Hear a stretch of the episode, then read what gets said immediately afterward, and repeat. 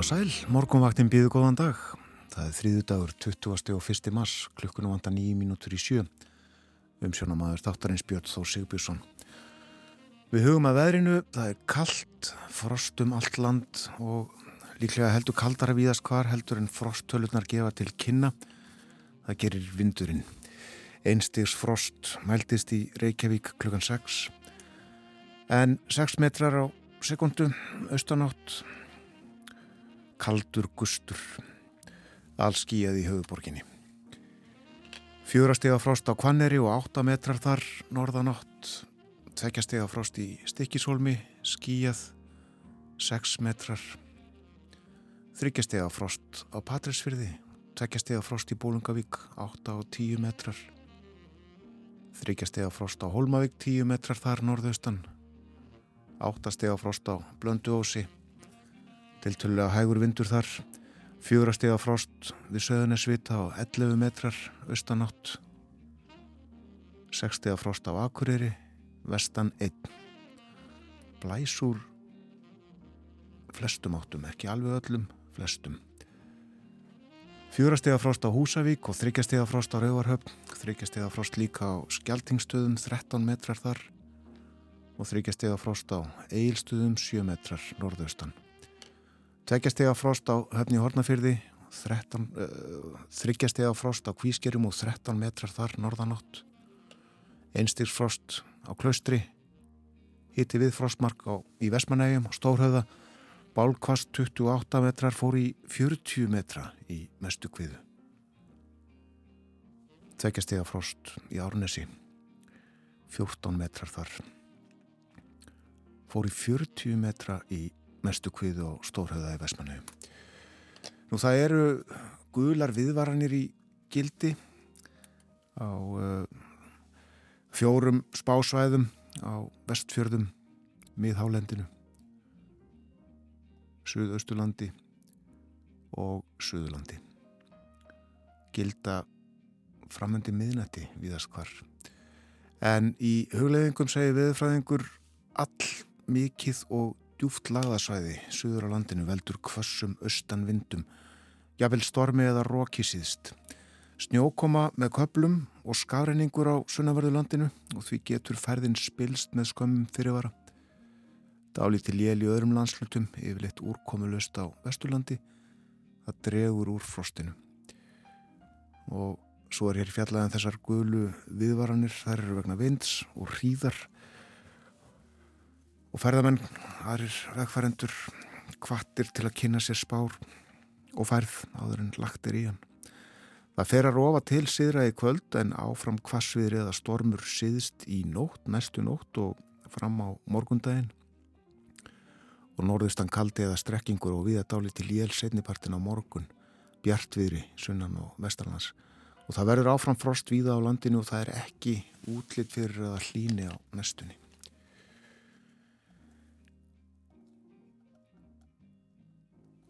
Og að eh, ástandi á vegum það er lokað þjóðvegur eitt er lokaður á milli markarfljóts og víkur og snjóþekja eða hálkublettir eru á nokkrum leiðum á Suðurlandi.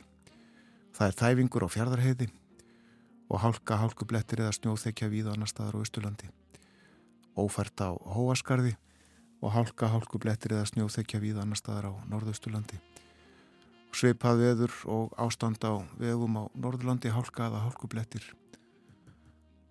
þæfingur í almenningum.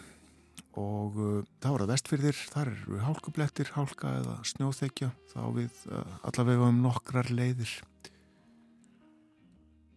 Hálkublettir á nokkrum leiðum á Vesturlandi og einnig á Suðvesturlandi. Til dæmis er hálka hálkublettir á Reykjanesbröð og Helliseiði Svona er ástandið á landinu þennan morgunin. Við setjum lag á fónin hlustum á Núru Djóns.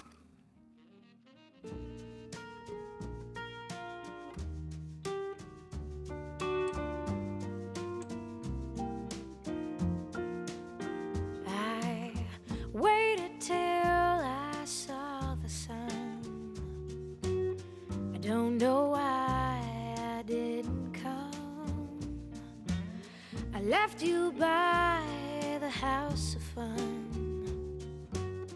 I don't know why I didn't come. I don't know why I didn't come. When I saw the break of day, I wish that I could fly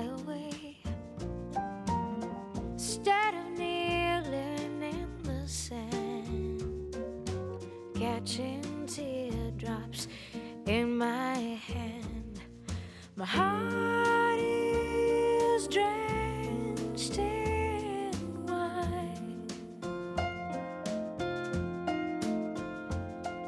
but you'll be on my mind forever. Out across the endless sea, I would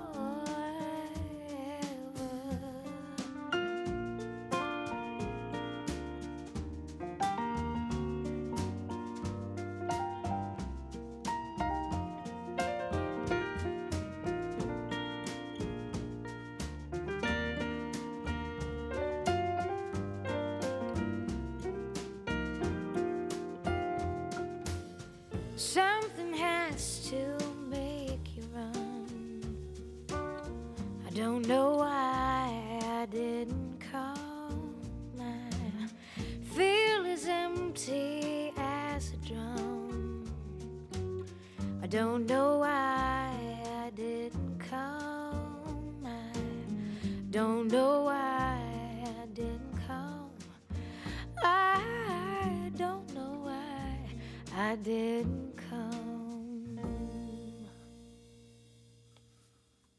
Nóra Jóns með okkur hér á morgunvaktinni. Don't Know Why, hétt þetta lag. Það líður að fréttum, þær kom eftir eina og hálfa mínútu. Þegar klukkan slær sjö við förum ítalega yfir dagskráð þáttarins að fréttum loknum en uh, ég nefni það hér og nú að uh, við verðum bæði hér heima og úti í heimi í þættinum í dag. Fjöllum um innend og erlend málefni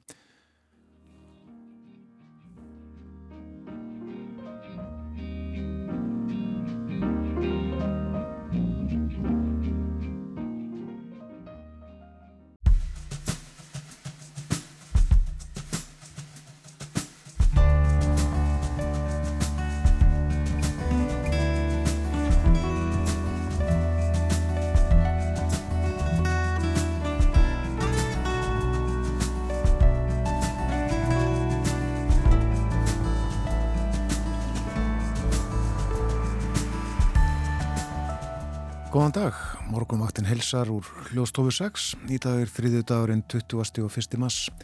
Þjóðáttíðadagur Namibíu er í dag. Landið fekk sjálfstæði frá Suður Afríku 1990. Umsjónamaður morgunvaktarinnar er Björn Þór Sigbjörnsson. Heimilisreksturinn kostar talsvert meira í dag en fyrir ári. Allt er dýrara. Það er blúsandi verbulga og stöðugar vaksta hækkanir. Launin hækkuðu nokkuð á síðasta ári, ráðstöfunar tekjur jukust en kaupmátturinn mingaði. Og ég vitnaði í hagstofuna, ráðstöfunar tekjur á mann jukust um 6,5% en kaupmáttur ráðstöfunar tekna dróst saman um 1,7%. Þorðusnar Júliusson Blaðamaður fer yfir þetta með okkur upp úr hálf átta og við ræðum í mislegt fleira líka í spjalli okkar um samfélag og efnahag. Nú á nýjunda tímanum fjöllu við um Þísk og Frönsk innan, innanríkismál. Eftir morgum fréttir fer Artúr Björgun Bodlason yfir það helsta í Þískalandi. Hann segi meðal annars frá tilraunum Þískra rannsóknarbladamana til að komast að því hverju það voru sem unnu skemdaverk á gasleðslunum Nord Stream 1 og 2 í fyrra. Og upp úr hálf nýju verður Torfi Túlnius hjá mér og hann fyrir við stöðuna í frönskum stjórnmálum og frönsku þjóðlífi. Stjórn Makrons Fraklandsfossetta stóðst vantrösttillugu í franska þinginu í gær með naumyndum en fossettin nýtur sífælt meiri minni vinsælda meðal þjóðurinnar. Hækkun eftirlauna aldus kemur illa við frakka. Við torfi förum yfir stöðuna á eftir. Hugum að veðrinu. Spáin er svona östlæg átt, víða 13 til 18 metrar en 20 til 28 metrar síðst á landinu. Snjókoma með köplum sunna til, annars stáli til jél, úrkomulöst að kalla á vesturlandi. Og það rófar víða til sunnan og vestanlands undir kvöld, minkandi frost. Á morgun áfram frekar kvast norðaustan 13 til 25, kvassast suðaustan til mun hægari um kvöldið, dáli til jél víða um land, bjartviðri sunnan og vestan til. Og frostið á morgun 1 til 60, frostlöst, siðst og austast. Guðlar viðvaranir í gildi eins og ég fór yfir hér fyrir frettinnar á vestfjörðum, Suðurlandi, Suðausturlandi og á miðhálendinu og þær eru í gildi allan dag langt fram á kvöld. Og uh, það er víða hálka eða hálkublettir á vegum til dæmis á helliseiði og uh, á nokkrum leiðum á vesturlandi. Nokkrum leiðum einnig á vestfjörðum. Það er þæfingur í almenningum þæfingur á möðrudalsörafum hálka víða annar staðar á norðausturlandi og á Östurlandi þæfingur er á Fjardarheiði og það er lokað milli Lómagnúps og Jökulsárlóns og þæfingur milli Víkur og Kirkibæðaklaustus snjóþekja á nokkrum öðrum leiðum á Suðausturlandi. Og á Suðurlandi það er lokað milli Markarfljóts og Víkur og snjóþekja eða hálkublettir á nokkrum leiðum. Við lítum í blöðin og uh, byrjum á morgunblæðinu sem að uh, er hér með frétt á fórsíðu og fyrirsögnin er európskur samanburður sláandi og uh, hvað er svona sláandi? Jú, uh, það er uh, samanburður á fjölda löðruglu þjóna á Íslandi miða við önnur lönd í Európu en löðruglumönnum Hér hefur fækka talsvert lauruglumönnum á hverja þúsund íbúa þeim hefur fækka frá 2007. Á síðast ári var hlutfall lauruglumanna 1,8 á hverja þúsund íbúa. En 2007 voru hér 2,2 lauruglumenn á hverja þúsund íbúa. Og þessi frettir unnin upp úr svari dónsmálaráþara við fyrirspurn Þorbjörgar Sigriðar Gunnlaugsdóttur Þingmanns viðristnar og uh, hér eru alls konar tölur og uh, eins og ég sagði samanburður við önnur Evrópuríki. En samkvæmt tölum frá Eurostat sem er einhvers konar hagstofa Evrópu þá uh, kemur fram að uh, sko 2020 var Evrópst meðaltal lauruglumanna á hverja 100.000 íbúa 333 en hér voru 176 lauruglumenn á hverja 100 þúsund íbúa. Farið við þetta í nokkuð ítalegu máli á fórsíðu morgunblasins. Fórsíðu myndin tekin í Nautólsvíkinni í ger má þarna sjá mann á uh, leið út í sjó að synda. Markið sem að gera þetta oft og reglulega, kannski daglega og vita ekkert betra. En uh, það múr sjá hér líka íslenska fánan eða svona veifu í fánalitunum og eins og fánin er Og hér segir sólinn skein og íslenski fánin var dregin að hún í gær þegar voru jafndægur voru. Það er vitnaði snorraðetu. Það segir að vor sé frá jafndægri til fardaga og þeir eru kringum mánaðamótin mæ og júni. Vorið hóst sem kom því gær. Og uh, frettablaðið það er að fjalla um fastegnamarkaðin á sinni fórsíðu og segir hér uh, að uh, álagning verktaka á íbúðir, já hún er sögð í methæðum. En fastegna verð á Íslandi, það hefur hækkað um rúmlega 100% af raunverði á einum áratug og það er 60% meiri hækkun en meðaltal OECD-landana. Álagning á byggingakostnað nýra íbúða á höfuborgarsvæðinu er í metæðum. Það er eftir við Vilhjálm Hilmarsson, hann er hagfræðingur hjá BHM og segir að fastegna verði í fjölbíli á höfuborgarsvæðinu hafi aldrei mælst herra í hlutvalli við laun en á fjóruða ársfjórðungi síðast árs. Og uh, segir hér líka meðal álagning á seldar íbúðir í fjölbíli á höfuborgarsvæðinu í lóks síðasta ás var rúmlega 100% samanborið við rúmlega 50% fyrir nokkrum árum. Forsýðu myndfréttablasins hins vegar tekin í merdulum líklega í gær og uh, eins og segir hér þótt raunflæðinu sé löngu loki þar þá heldur ferðamanna flöymurinn áfram. En uh, þarna má sjá sannsagt ferðamenn sem hafa stilt sér upp við raunnið, svart raunnið þau eru þarna tvö og uh, þriði ferðamadurinn taka þinn mynd sínist mér. Anton Brink blásir, brásir þarna á, á, á góðstöðarna sem voru í gerð og uh, tók þessa mynd af uh, manni að taka mynd af fólki og raunni Þetta var það helst af forsýðum dagbladana. En í dag er já 21. mars, uh, þetta er 80. dagur ásins, það eru 80 dagar frá áramótum. En nýtt ár er að ganga í garðsankvæmt stöku trúabröðum, til dæmis í sóróisma, súfisma og bahæ. Um sóróisma segir á Wikipedia, það er heimsbyggi og trúabröð sem byggja á kenningum sem að ygnaður eru spámaninum Sóróastir eða Sarathústra. Hann bóðaði Guðinn Ahura Masta. Yðkendur þessara kenninga er um 2 miljónir aðlega í Íran og á Indlandi. Og súfismi er sangkvæmt Wikipedia sapn lífsgilda, trúakenninga, síða og stopnana sem tengjast dölspeki í Íslam. Er súfismi í mist skilgrindu sem íslömsku döltrú eða innri vitt Íslams. Bahæ var þins vegar til sem trúabröð á 19. öld í Persíu eða Íran um 6 miljónir um allan heim að þeillast þau. Gleðilegt ár, Bahæjar, Súfistar og Sóróvistar. Nú ég sé í dagbóka þennan dag árið 1968 fyrir 55 árum þá var allt á kafi í snjó í Vestmanægi.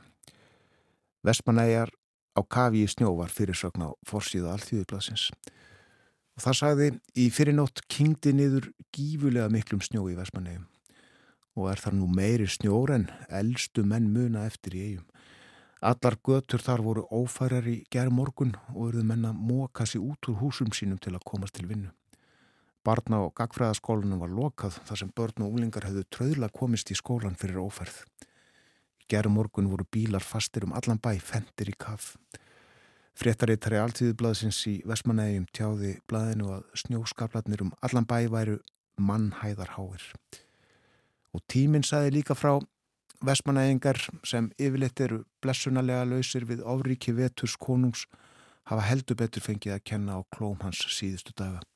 Snjóað hefur látlust í eigum síðustu tvo sólarhinga, svo að segja linnu lust og aðsögn tíðindamanns var þar í dag jafnfallin snjór um metri að þygt og víða höfðu myndast mannhæða háir skablar. Snjóað hafi yfir hitamæla viðstofunar á stórhauða svo ekki var hægt að lesa á þá í morgun. Og tíminn, alveg eins og alltíðublaðið, vitnaði til eldstu manna þeir myndi ekki annað eins. Og þjóðvilinn sæði frá því að skátar fóru á vettvang til að grafa upp húsið Hellisholt Þar búa sæði blæðið eldri hjón, Hjörtur Hjartarsson og Vigdís Róbjartsdóttir. Húsið er einnar hæðar, staðsett fyrir ofan kaupstæðin og hafði bókstæðilega fendt að mestu í kaff. Slík hefur snjókoman verið í eigum að undanförnu og hefur fólk víða orðið að fara át um glugga í íbúðarhúsum vegna snjókomanar. Allar girðingar hafa fendt í kaff og fannir víða stórar í eigum. Þá hefur kvassviðri geisað með svartnætti spil. Stórir vörubílar gáttu þó drastlast eitthvað eftir göttunum var haft eftir lauruglu. Já, svona var veðrið í Vestmanægjum 20. 1. mars 1968 og ég skoðaði hér og er að skoða akkurat núna vefmyndavél sem að er við framhaldsskólan í Vestmanneum á sjá þar yfir bæi niður að höfninni. Og það er snjólust með öllu í Vestmanneum en uh, kirkjan er þarna uh, nú er tekið að byrta en fyrir bara stuttu uh, var dimt og kirkjan glæsileg upplýst sem og bærin og heimaklettur auðvitað í öllu sínu veldi. Nú, uh,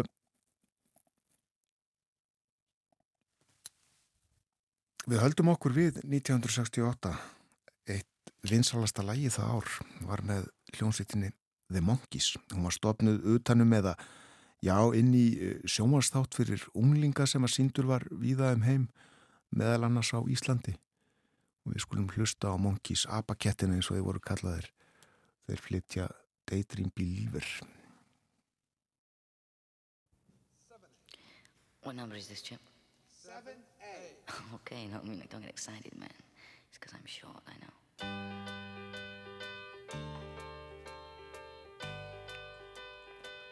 Oh, I could hide neath the wings of the bluebird as she sings. The six o'clock alarm would never ring, but it rings and I rise, wipe the sleep out of my eyes. My shaven razor's cold and it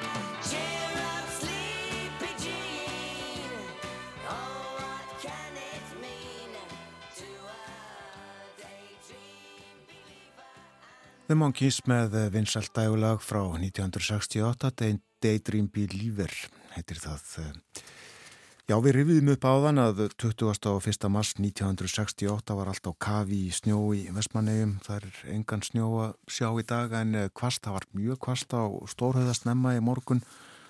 Sló í 40 metra á sekundu í mestu kviðu. Það var auðvitað fjallað um uh, þennan mikla snjó í eigum, óvinnlegt ástand í blöðunum. En uh, hvað annað ætli hafi verið í blöðunum þarna fyrir 55 árum? Trúmann stiður Johnson og spárunum Sigri saði á fórsíðu morgunblaðsins. Harry S. Trúmann fyrrum fórseti lísti í dag yfir eindregnum stuðningi við Johnson fórseta og spáði því að honum myndi veitast auðvelt að hljóta tilnefningu sem frambjóðandi demokrata í fórsetakostningunum í höst. Trúmann saði á bladamannafundi í Key West á Flórida að Robert Kennedy, öldugadeilda þingmaður, myndi ekki draga fylgi frá Johnson fórseta.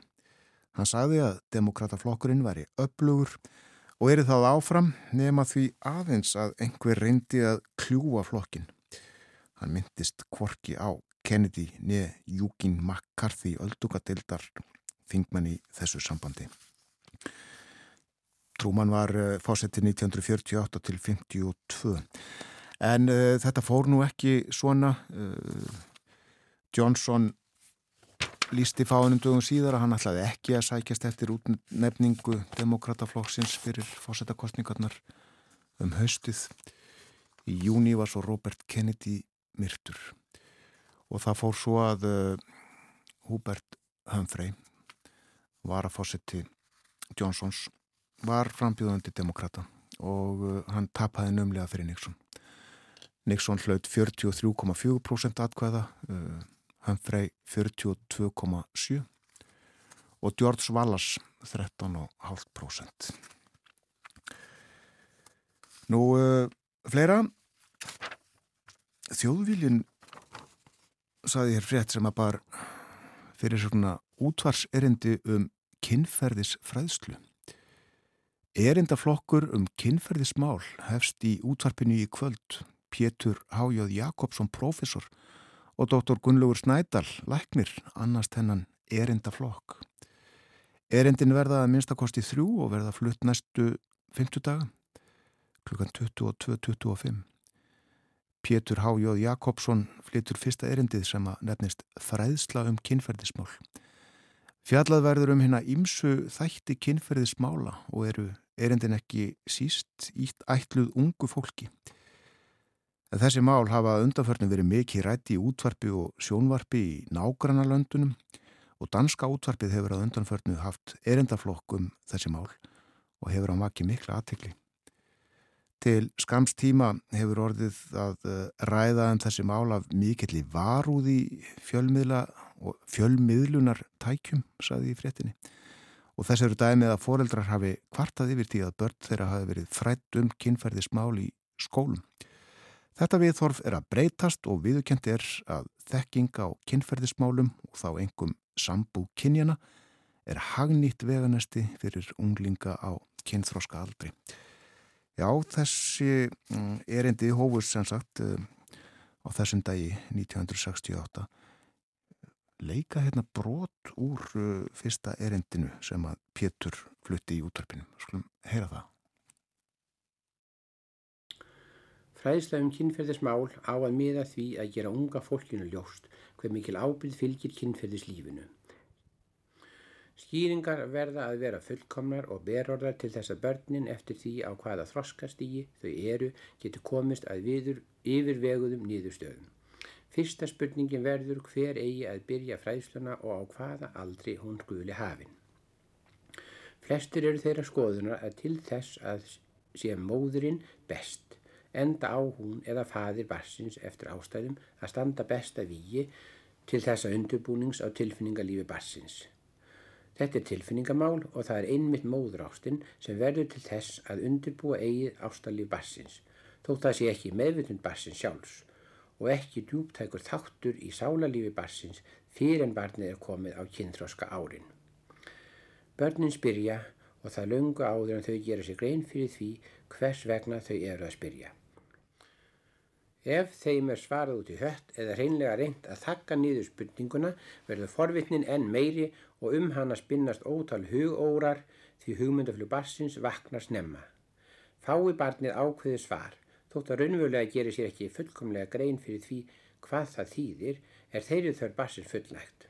Það verður að vera samvinn um þessa hluti millir foreldrana en móðurinn er það foreldrið sem hefur nánari sálrann tengst við barnið brotur erindi Pétus Haldáns Jakobssonar í útvarpinu fyrir 55 árum. Útvars erindi um kynferðisfræðslu leikum kannski meira úr þessari er enda röð hér einhverja næstu morgna, sjáum til. En aðeins meira úr blöðunum frá 21. mars 1968 Hver verður ungfrú Ísland 68 spurði Alþýðublaðið á fórsíðu. Þetta er tímabær spurning en það fer fegurðarsankefni Íslands fram í Lító næstkomandi förstudags og sunnudagskvöld.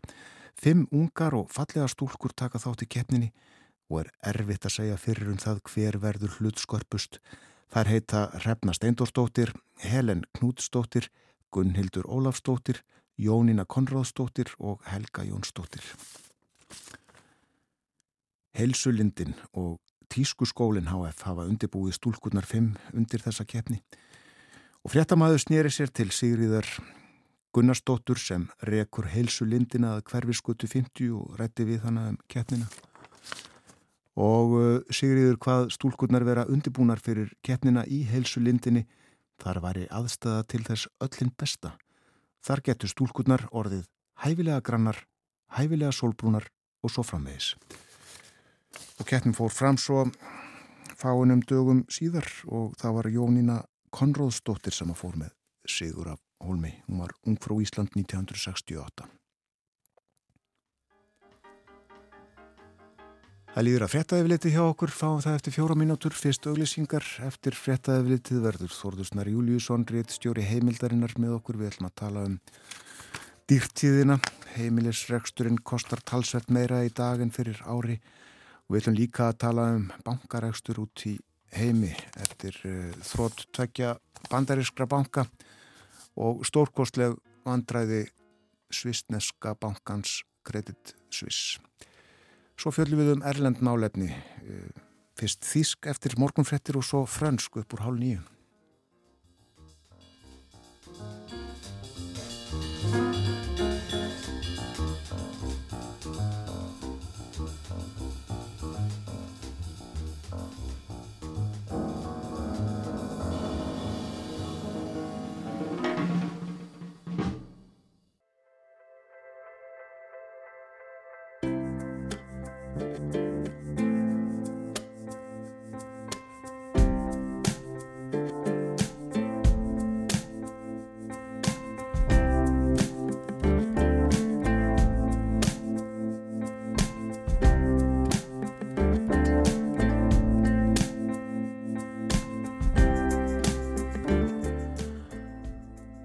Aftur þegar það hlusta á morgunvaktina á ráseitt klukkan núna réttliðilega hálf átta.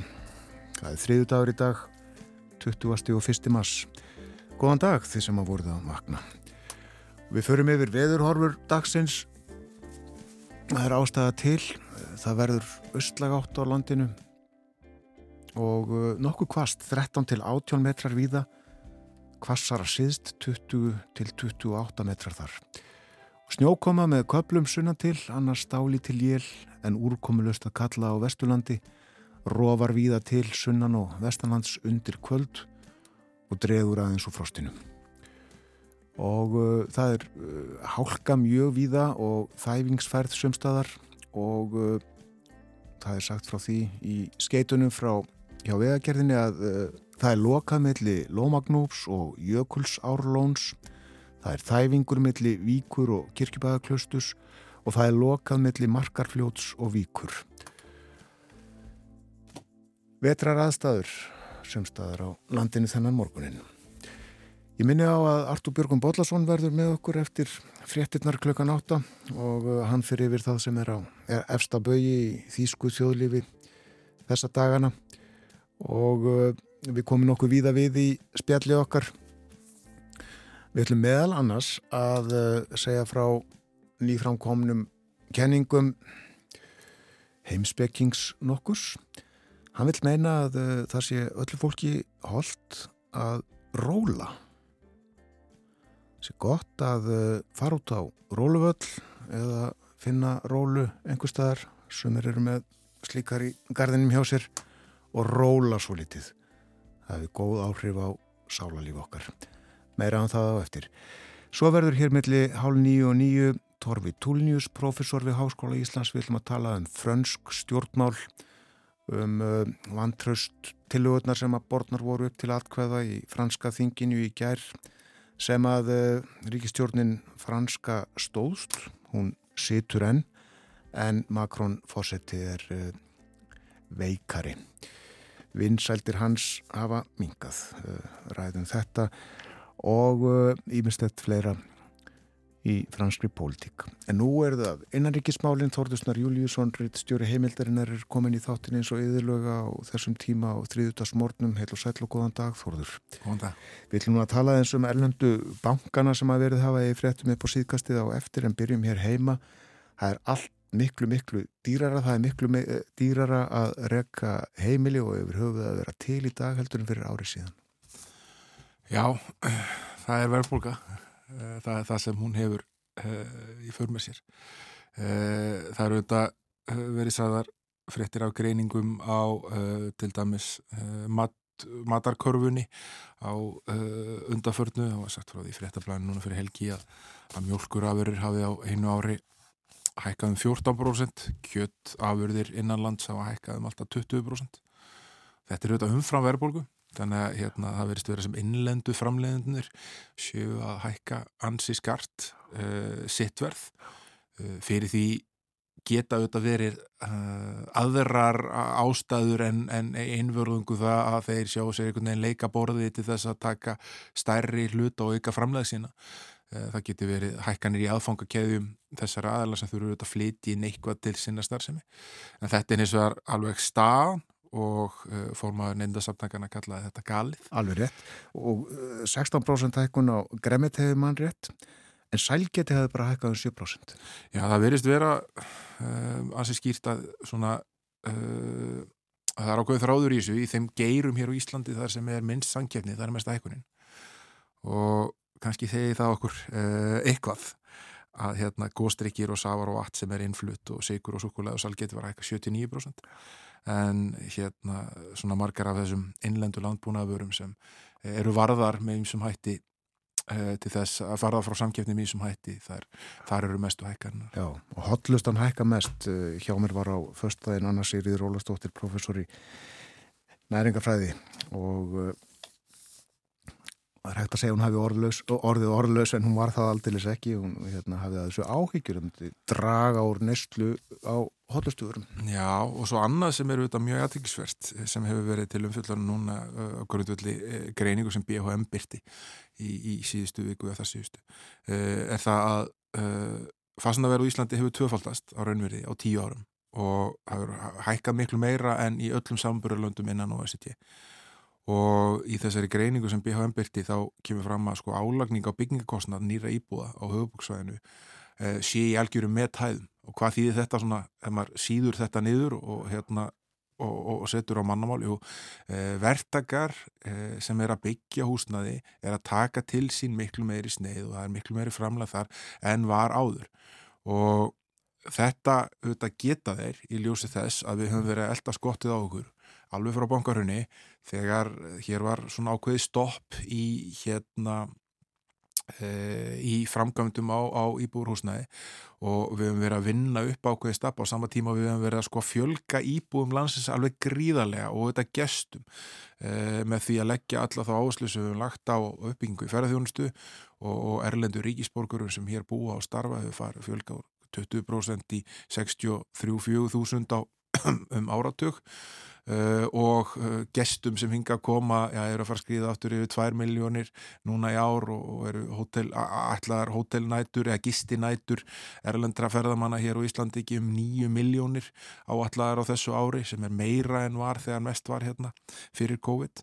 Uh, og þannig að verktakar geta gert þetta, það er eftirspurn, það er umfram eftirspurn og sama tíma höfum við verið að auka kaupmátt hérna tölvöld mikið, eða hagvöxt og Íslandi tölvöld mikið á, á, á dælu skömmum tíma sem er að miklu leiti drefið áfram að fólksfjölgun það er bara því fleira fólk sem eru með því meiri hagvöxtur það bara uh, liggur í hlutanis eðli. Og það er fólk sem við erum að flytja inn til þess að vinna í ferðarþjónustu sem er láframlegin í grein. Þannig að þetta hefur verið gaggrínt við það að undarfötnu meðan svo ekki hefur verið að benda á að það sé ekki heitlavanlegt að, að byggja upp svona uh, drífandi stóðundir efnaðein sem, sem er svona láframlegin í grein sem krefst svona marg svona eins og ferðarþjónustur er hún sé góð hliðagrein en, en ekki sem einhvern veginn leiðandi atvinnugrein. En það eru klítni stjórnmálamenn sem ekki gæta því að allir eigi, og hafi, hafi heimili, hafi húsnæði. Já og auðvitað er það að verða og verður held ég að það með alveg fullir að mjög ráðandi í svona pólitískri umræðu í náttúrulega framtíð að hérna að þessi staða sé uppi núna bara vegna ímessa aðgerða sem má reykja auðvitað einhver leiti til bara þess að gerist í heiminum en líka til sértakar aðgerða sem er farið í hér og Íslandi eins og það þegar bara korunveru faldur skalla og hér var sveiblu jöfnunarauki eh, bankana eh, afnuminn tímabundið sem átt að auka útlána getu þeirra og þeir ákveðu að lána einfallega langmest bara í steipu, örugasta veðið. Og hérna þannig að og vextir lág í peningar ódýrir, ódýrir en það nokkur að vera í Íslandsögunu við fórum á ákveðu svona uh, lánafyllir í sem skilaði sér í því að, að fastegna verðið hækkaði alveg svakalega uh, og núna er það bara einfalla þegar svona ríki sest eftir þetta tímabil orðið hálf lýsis ómögulegt fyrir marga að komast inn á marka, nú er Sælabankin að herða tökindi þess að ná beisla verðbólguna er að þrengja lánaskiliri til þeirra sem þurfa að taka íbúðalán er að hækka söflujöfnunaukan núna í annarsinn hann fer upp í 2,5% á næsta ári e, og var 0 fyrir ekkit svo lungu síðan e, sem því það bankan þurfa að halda meira eigi fyrir til þess að standast það sem er að gerast e, alþjóðlega og, og, og hér innanlands. Vextir auðvitað komnir í, í hérna í háarhæðir og í fjármálastöðuleika yfirlýsingunni sem, sem fjármálastöðuleika uh, nefnd Sælabanka spyrt í síðustu viku. Þar er raunverulega bara verið að segja bara herru bankageru okkar stendur ákveldlega það er alveg með viðnástrótt en við viljum að hann verði meiri uh, svo hann geti líka, bankandi geti líka uh, svona staðist á ágjöf sem mögulega er og svo þurfa að vera tilbúinir að hjálpa fólki eða lendir í greifsluvandraðum uh, sem er alveg fyrirlíkjandi að einhverjur hópar gætu lendi í þegar fastvaksta tímabil fara að renna út og, uh, og svo er bara að vara við því að greiðslu uh, að, að vaksta byrðin munni fara að býta mun fastar hjá fólki en, en, en hjá mörgum en hún hefur gert. Já. og við séð þetta í tölum líka í konunum, það eru fleiri og fleiri heimili sem uh, eiga ekki fyrir því að ná endum saman eða rétt náði Já En það, er, það vantar húsnaði, eh, viðskipti með fastegnir eru svo verðbólk og hvetjandi, verðið er hátt, þetta stafar að þessu litla frambóði sem að verið hefur, vextir eru hækkaði til, til að reyna að slá á, á verðbólkuna þá að sko með öðrum orðum að draga úr fastegna viðskiptum sem að hefur þá svo, þau áhrif að, að það er minna byggt og þá mingar frambóðið að þá meira. Já, það er þannig og það, þegar peningar verða dýrari þá er eðlilegt að það verði þó minna byggt. Það er flóknara að hérna, láta kannski dæmi gangu upp sérstaklega þegar raunverið fastirn er að lækka á sama tíma. Þannig að hérna, þetta er flókin staða en hún er svona held yfir aflegg margra pólitískra ákvarðana langt aftur í tíman. Það má alveg reykja það aftur þess tíma þegar félagslega íbúðakerfi var hér lagt niður. Uh, fyrir ansi mörgum áru síðan og, og, hérna, og það markarsvætt þegar svo stefna var innleitt í Ísla stjórn og allir ættu bara einfallega eiga sitt eigið húsnaði og núna snöndu við alveg fram fyrir því að, að það er ekki raunheft að ætla í því samfélagi efnaðarslegu veruleika sem við búið til að allir geti átt sitt eigi húsnæði. Þannig að hérna hvað ætlaðu þá að gera við allan þennan stóra hóp sem er ekki í færum eh, til þess að, að, að gera það, einhver starf þar hann að búa. Þú nefndir aðan þetta fjármála stöðuleikarið Sælabanka sem kom út í, í síðustu viku, fjármála stöðuleiki, þetta er fínt orð en er ekki fjármála óstöðuleiki í landinu? Mm. Jú, jú, jú, ég menna þegar, uh, þegar við erum að horfa á uh, sko 10% verðbólgu þá eru við ekki stöðulíki. Þa, það segir sig alveg sjálft þegar við erum að horfa á hérna að hér eru kynnt sko og samþitt fjárlög fyrir árið 2023 í lók síðasta ás sem gerir ráð fyrir 120 miljardar halla og í nýju áhættumati sem er búið að gefa út um breytingar á fjárlögun þá er þegar búið að bætast við bara núna í mars 20 miljardar sem er fyrir síð að, hérna, að fjárlögun muni kosta meðal annars vegna aukís kostast við heilbreyðiskerfið en að stærsti þáttunum þar er einfallega uh, aukin uh, kostnaður vegna, að vaksta kostnaður vegna verðtrýra skuldbyttinga hins ofnbæra. Þannig að hérna, það auðvitað er ekki stöðuleiki, eh, stöðuleiki í orðinu fælst það að, hérna, að þú svona að það sé svona daldi flöllína að, hérna, að það sé ekki miklar vendingar og breytingar og það sé fyrirsjáleiki um það hvað sé framöndan.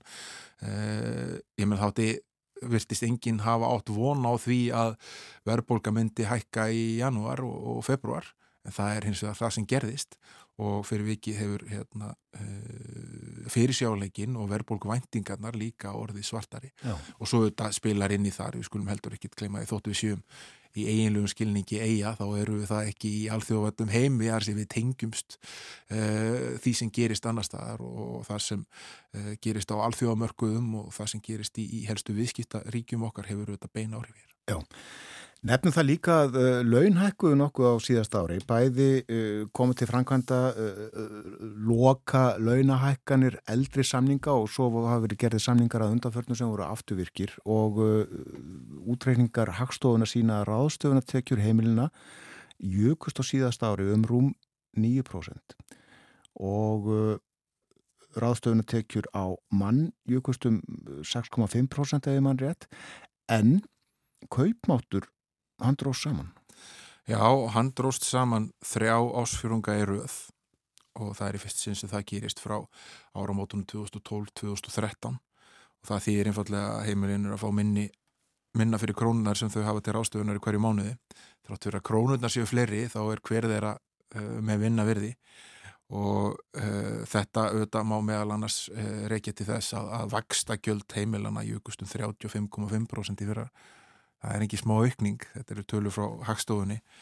Uh, og uh, mér þótti aðdeglisvert heilt yfir uh, dróst kaupmáttur ástöðun takna saman um 1,7% á síðast ári og tölur aukning á kaupmáttunum á fyrsta ástöðungi svona hérna þegar við vorum að losna undan koronaviru Eh, koronaviru aðstæðunum og, og hérna og kannski vaksta kjörin voru en þá tölvert skapleir en þau eru núna. Vaksta kostnæðurum var ekki orðið jafn íþingjandi en svo fór að, að hérna uh, fór hlutur aðeins að vestna og kaupmáttunum fór að dragast saman þegar leið ári og uh, jafnvel á Uh, síðasta fjóruða ásfjörun gjásins þegar uh, sko margar aðeins um launahækkunum eru búin að taka gildi sem var samið um á almenna vinnumarkaðunum það er gildar og afturvirkar uh, november, desember þannig að tveir af þremur mánuðunum sem falla undir þann ásfjórðung inni hætta launahækkanar samt þrátt fyrir það var samtráttur í köpmæti þannig að hérna það þóttu mér aðdeklisvert og það verður aðdeklisvert að sjá hvernig þessi þróun verður inn á þetta ár vegna þess að hérna, uh, í tölunum við Hagstofnum er tekið uh, tillit og reiknað inn eh, vaksta gjöld og allar hækkanir á því sem við vorum að fara hérna yfir á um það hvað kostar að lifa og ég held að finni það allir þegar þeir eru að kaupa í matinn, kannski einhverja rétti sem, það er allir svona, svona sí, sí, sína rétti sem hérna, þegar þú ert algjörlega hugmyndasnöður og ferðu að kaupir í búðinni þannig að þú ert með svona ágæti skimbrað um það hvað kostar að fæða fjölskyldun á þennan hátt.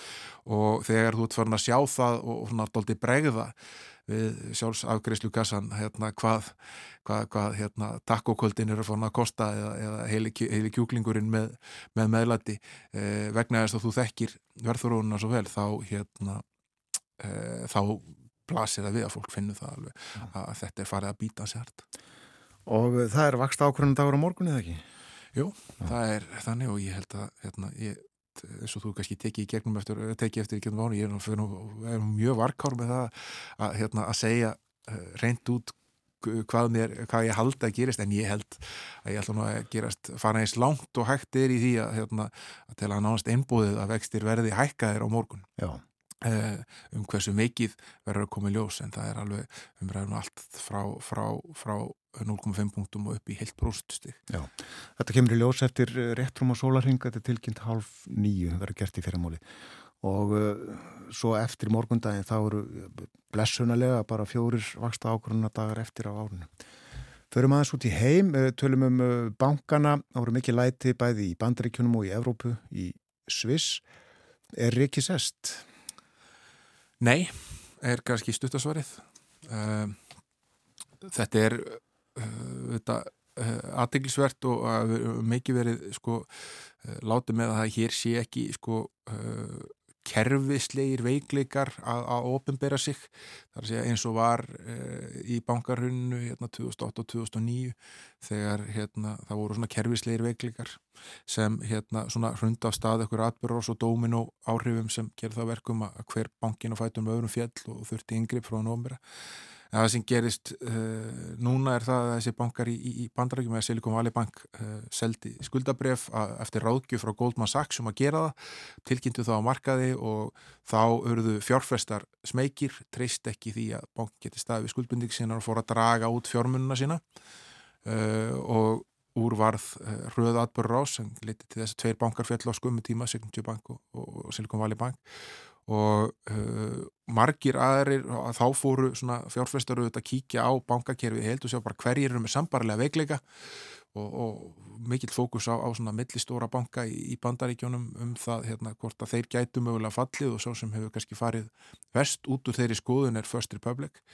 Uh, matsfyrirtækin hafi verið að lækka uh, matshafisengun margra af þessum böngum svona kannski aðeins til þess að baktryggja sig þannig að þau lendi ekki í sömu gaggrinu og þau lendu eftir bankarhunnið hérna 2008-2009 og uh, þrátt fyrir á femtudagin að það hafi verið sett 30 miljardar bandaríkjadala sem er óheirli uppæð inn í, í hérna First Republic þá er búið að draga og taka út þúsundir miljard íslenska króna uh, út úr bankanum á undafötnum dögum Uh, og það voru svo stóru bankatir í bandaríkjónu sem settu þess að innistæður inn til þess að standa með kerfinu uh, og, og, og sá banki stendur einfallega en þá mjög tæft og bara getur alveg uh, svona farið á báða vegu hvort að hann lifi eða falli.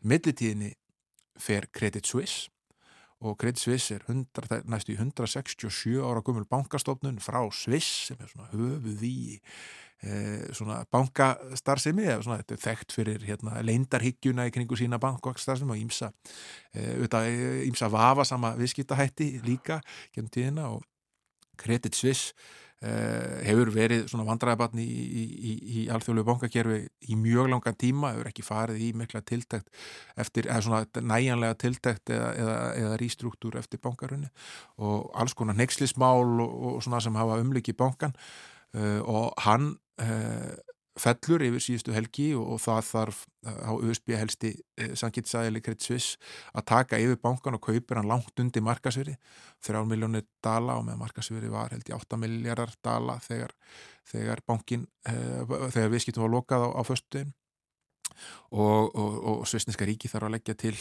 svona að leggja, leggja til fjármagn sem þarf að vera til reyðu til þess að það sé hægt að vinda ofan þessu öll saman.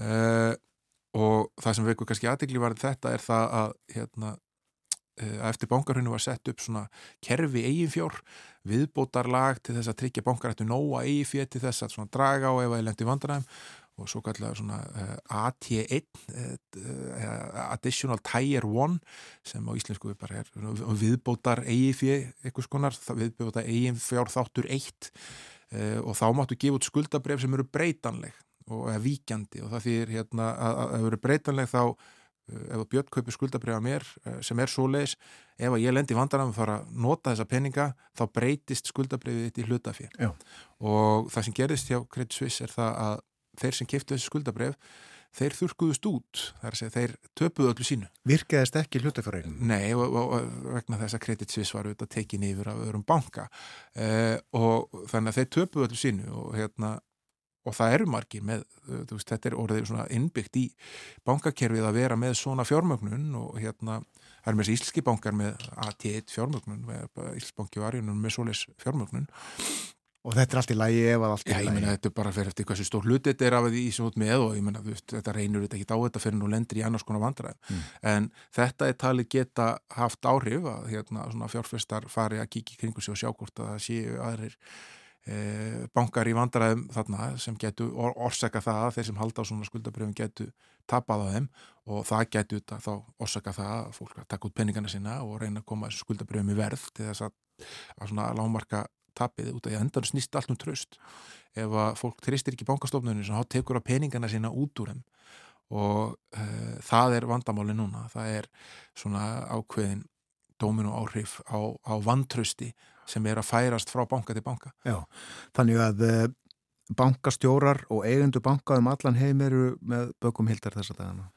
Já, bankar eru þetta mjög ólíkir. Ég hérna, er ekki með heldar uh, yfirsýn yfir alla banka í heimunum um það hvernig þeir standa og hvernig þeir geta tekist á við þetta.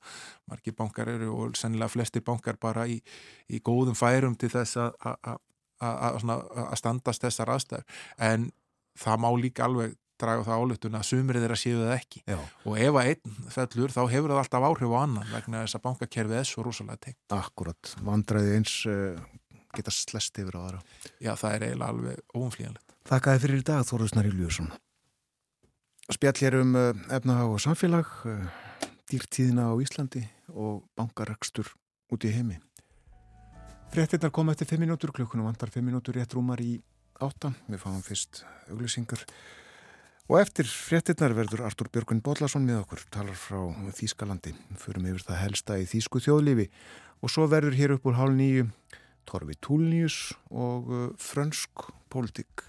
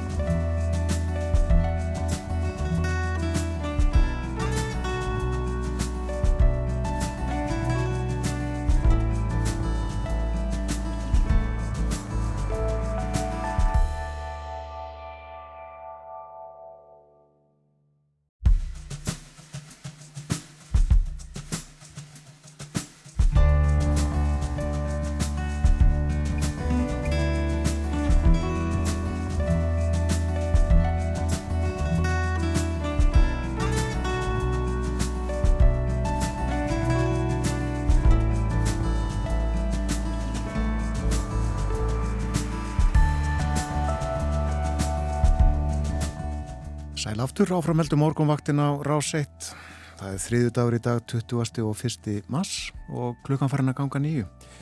Já, Valur Göppingen í Európa-getninni í handbólta að hlýðrenda í kvöld áfram Valur segjum við Göppingen fornfrækt þýst handbóltalið. Ég held að nokkur Íslandingar hafi leikið með liðinu svona í gegnum árun og ára tíuna. Gott ef að Geir Hallsteinsson leik ekki með Göppingen á sínum tíma. Göppingen Þýslið og uh, næst á dagskrá hér á morgunvaktinni um fjöllunum Þýsk málefni við erum komin í samband við Artúr Björgvin Bodlason. Heil og sætla góðan dag. Góðan daginn. Manst þú eftir uh, Geir Hallsteinsin í Göppingen? Ég man svo svakalega langt aftur að áður en að Geir Hallskrims Stensson fór til Göppingen að þá tók ég hann í enga tíma í Þýsku. Það var svo Og ekki ætli ég nú að hrósa mér af þeim árangur sem hann náði hér í Þýskalandi en allavega þá saða mér setna að það hefði hjálpað honum að kunna nokkur undirstuð aðrið þegar hljópæri völdin. Já, stórkoslegur handbóltamaður auðvitað. Frábær og skemmtilegu maður. Já. Við maður talaðum um veðrið, það er uh, vond sumstaður á Íslandi en er vorið komið í Þýskalandi? E, já, það er svona drattast uh, yfir landi má segja. Það er búið að vera hér uh, dagfæri, svona frekar lít, svona tekjast af tölur um allt Þýskaland meira og minna og 14 til 16 stígi við litt, þannig að það er svo litið styrbuðsalegt ennþá voruð og smá rikkir til og frá en, en það er að koma, það er að koma. Gott að vera. Við ætlum að tala um ímislegt, ég nefndi það hér fyrir morguna, við ætlum að tala um nýja, nýjar hugmyndir í heimsbygginni uh, og það er vist gott fyrir sálina að fara og róla sér uh, meira en það á eftir en, en fyrst að pólitíkinni. Og við ætlum að tala um samgöngumálinn. Já, þau hafa nú lengur verið vandasum hér í Þýskalandi og ekki mjög þakklátt hlutverk að vera samgöngur á þeirra hér. Og sá sem að nú gegnir þessu starfi heitir Volker Wissing og er uh, frjálsdemokrati og hann uh, á honum að hafa staðið öll spjót undanfarnar vikur og mánuði. Og þessi skemst að minnast að í, í síðustu viku þá kom hópur loft lagst aðgerða sinna sér fram, fyrir fyrir framann samgöngur aðunit í Bellin til þess að láta í ljósi gremju sína með stefnu Wissings í umferðarmálum. Og eitt af því sem að, sem að er mikil þyrnir í augum umhverju sinna það er það að, að Vissing og reyndar félagar hans í frálsa demokrataflokknum, þeir hafa þverskallast við að setja lög um hámarsraða á þýskur hraðbröðunum sem að fólk kallar nú gæðan svona autobana í dælu tali. Og gaggrinu benda á að með því að, að hæja á umferð á hraðbröðunum þá væri hægt að spara útblástur af eitruðum koltvísýlingi sem er eitthvað versta, versta sem við erum að glíma við og, og þessi það mætti að spara svo mikið að þetta getur numið, spartnari getur numið alltaf nýju miljónum tonna af koltvísýlingi á ári. Og auk þess myndu þessar hraðatakmarkanir líka spara hvorki meirinn menna 3,7 miljardar lítra af eldsneiti sem er ekkert smáræði við lítum á þessu tölur, þetta er óknarlega háa tölur En FDP, eða frálstíðdemokrata, þeir taka ekki mála að ræða slíka takmarkanir og ástæðan fyrir þessari pólitísku þverjumóðsku er sögð vera svo að fólkurinn dregur og ljúst pörum bíla framlenda og orðið þetta í Ískalandi og hillar tungur haldaði jáfnvel fram að, að, að þessu flokkurinn hyggla fjárvagnin og kostnaða náttúrunar og, og velferðar almennings. En sem að Vissi og sjálfsagt hefur harðilega gagnandi fyrir og það er áhuga lesi þeirra á alveg Ar Artúr, ég þarf að stoppa því það er eitthvað slemt sambandi hjá okkur. Dansa svona hljóðbylgjurnar einhvern veginn? Já, uh, sambandið er ekki bara slemt, það er ekki neitt. Akkurat núna. Heyrur í mér núna? Heyrur í þér. Já, þannig ertu góður. Já, það er eitthvað rugglingur á þessu. Já. En, en sagt, það er annað sem að þeir eru harðlega gaggandi fyrir, flokksbræður Vissings og hann sjálfur, að, að það er þetta áhuga lesi þeirra á almenningssangöngum og á meðan að lestarferði hér í Þýskalandi er í töluverðum ólestri, eins og allir þekkja sem að ferðast mikið með lestum og það á til dæmis við ég fer svolítið með lestum og hef lent í æfintyrum sem eru efni marga, marga písla, en á þeim ferðalugum En á meðan þessum fyrir fram að þá vil Vissing sagt, og ástændið er svona í lestarmálum, þá vil Vissing byggja enn fleiri hraðbröðir og uh, það sko uh, hefur farið mjög fyrir brjóstuða fólki. Og uh, rökin eru svo að það eigi að, að gera meira til þess að venda enga bílinn og hann eigi, segir, segir frálsýttjamokkatur, að ráða ferðinni. Og það er bóstæðlega merkingu á næstu árum. Og auðvitað viðkenna þeir að, og fella sig við að, að hérna, brennsluseflar verði að hverfa og rafknúni bílar að koma í þeirra stað eða bílar sem ganga fyrir raf eldsneiti og það er svo að Aftur ólag á sambandinu hjá okkur. Ætlið að koma inn núna? Artúr, heyrir í mér Nei, er, er eitthvað þarna ertu slemt sambandið. Já, nú er það í lagi Við prófum áfram Við reynum að halda þess afram. Já.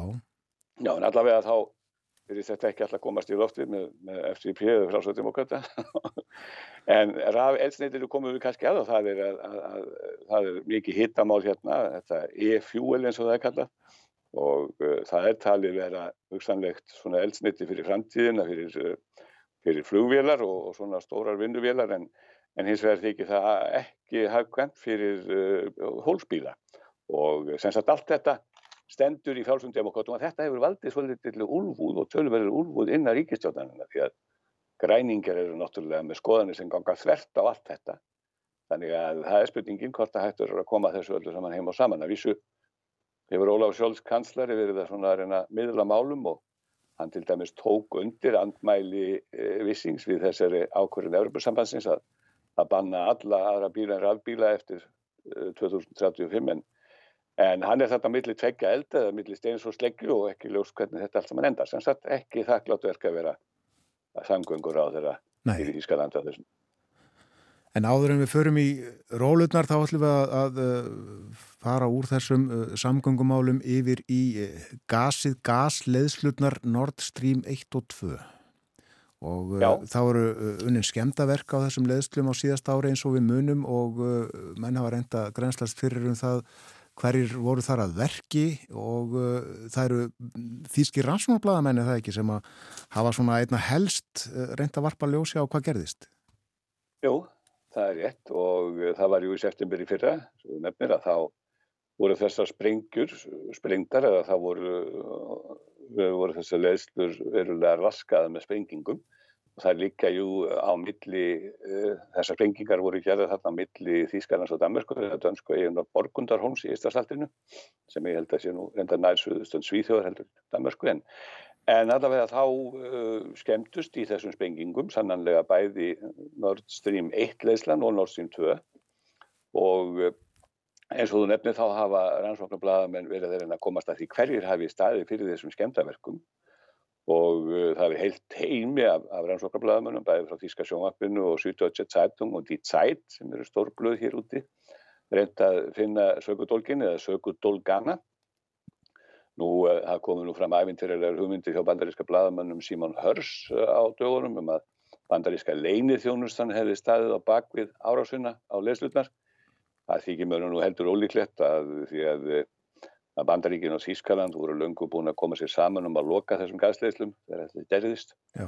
Nú Rúsland er heldur ekki leiklu sökudólkur eh, heldur því að rússar eh, hefðu engan haga því að, að, að, að, að skjóta sína einn gullgæs sem var nú kortið er hægt að verpa gullleikjuna þegar þetta gerist og, og svo er það kenningin um að Úkraina standi að hafi staðið að baka við skemdaverkin og hún þykir heldur ekki trúleg því að Úkraina uh, sko, er mjög háð Þískalandi í sambandi við stríðið og, og stríðsreksturinn gegn rússum og þar væri þeir að stjóta sjálfa sig í fæturnu í bóstarverðar vekkingum því að skada þjóðverðir því þjóðverðir ef einhverjir hafa skada af þessu máli. Og uh, þess vegna er málið ennþá opið þar að segja þessi rannsóknarbladamenn hafa ekki komist til bossið í enn en það er eitt sem að, uh, hefur þó komið í ljós uh, við rannsóknar þessu að það hefur þurft bæði mjög hátrúðaðan tækningbúnað og nokkuð umfangsmikið og gott skipulegt til að sprengja gött á, á leðslur að þessu tægja 70-80 metra dýpi. Og eh, þess vegna hallast úr rannsóknarblæðamenni helst að því að eitthvað upplugt já, ríkisapparat eða eitthvað slíkt standi á bakvið árástöldun og, og þá er það spurningin hvaða ríkisstopnun eða ríkis, eh, eða, já, sem það kann að vera Það var spurningin hvort að hún fremdi þá verknaði með eigin frumkvæði eða með vitund uh, þeirra ríkistjórnar sem að um er að ræða og er sem sagt marga spurningar, það er að vöknuðu fleiri spurningar þegar rannsóknarblæðmenni fór á stað heldur en að var hægt að svara og uh, það er líka undarlegt og það hefur komið í ljósa að þetta flytjast líkan búnað um opið hafsvæði án þess að nokkur verði þess var.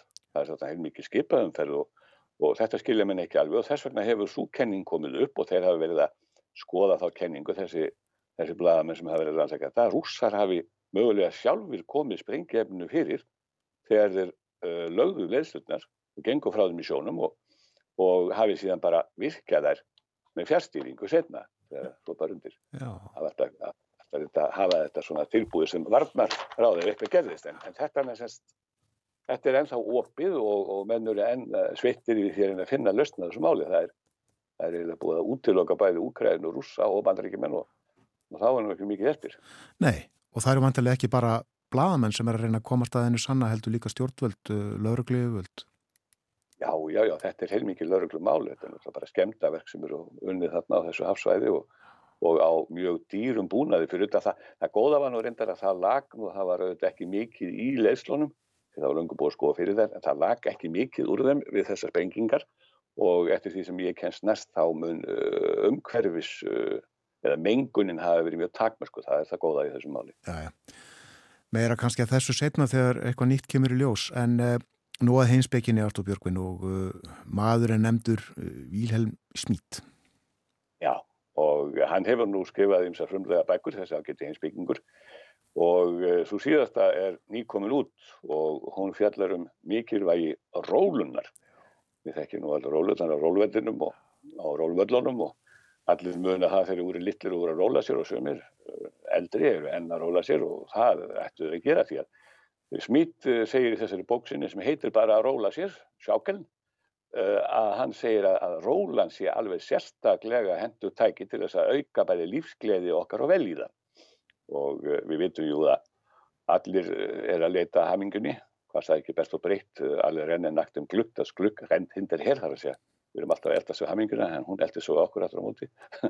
En það er náttúrulega grundtóttin í allir mennlegu tilveru að verða hamingjusamur og njóta hamingunar og margir hugsuður hafa reynda að greina það og skýra í hverju hún er fólkin og það maður nefna þá að hann segir þetta í bókinni, ég var að glögga aðeins í hana Hans Blumenberg sem er þekktur þýskur heimsbyggingur á síðustu öll það hann held í fram að, að þegar okkur vantaði hugtök sem við getum notað til þess að skýra ákveðin fyrirbæri tilverunar þá getum myndlíkingar og þar datta Artur Björgun út aftur, þriðja sinni þessu samtili og byttu nú við og eru stórförðulegi hlutir að gerast. Sjáum hvað við getum gert, reynum að koma sambandi á, á nýfið Artur Björgun Bóllarsson í Þýskalandi. Hann var í miðri frásögn af æsispennandi og áhugaverðum kenningum í heimfleki. Heyrir í mig núna? Já, ég heyrir. Hanna? Það er eitthvað, rey... eitthvað rock og roll hérna í... rock og roll, já. Við reynum að, að komast í rólunar. Já, ég ætla bara að halda áfram með rólunu og hann sem sagt komst að því smýtt þegar hann búin að vera að róla með koninu sinni og, og dóttur að, að þetta væri alveg svakalega notalega reyfing og og ekki nóg með það heldur þóttist hann sko fann hann það upp að þetta rólan væri svona myndlíking fyrir lífi sjálft og lífi væri fullt af anstæðum, stundum væri uppi og stundum væri við niðri og við sveifluðumst á milli heisti og krankleika og lífs og dauða. Og rólan sagðan getur hjálpað okkur að umgangast þessar anstæður í lífinu.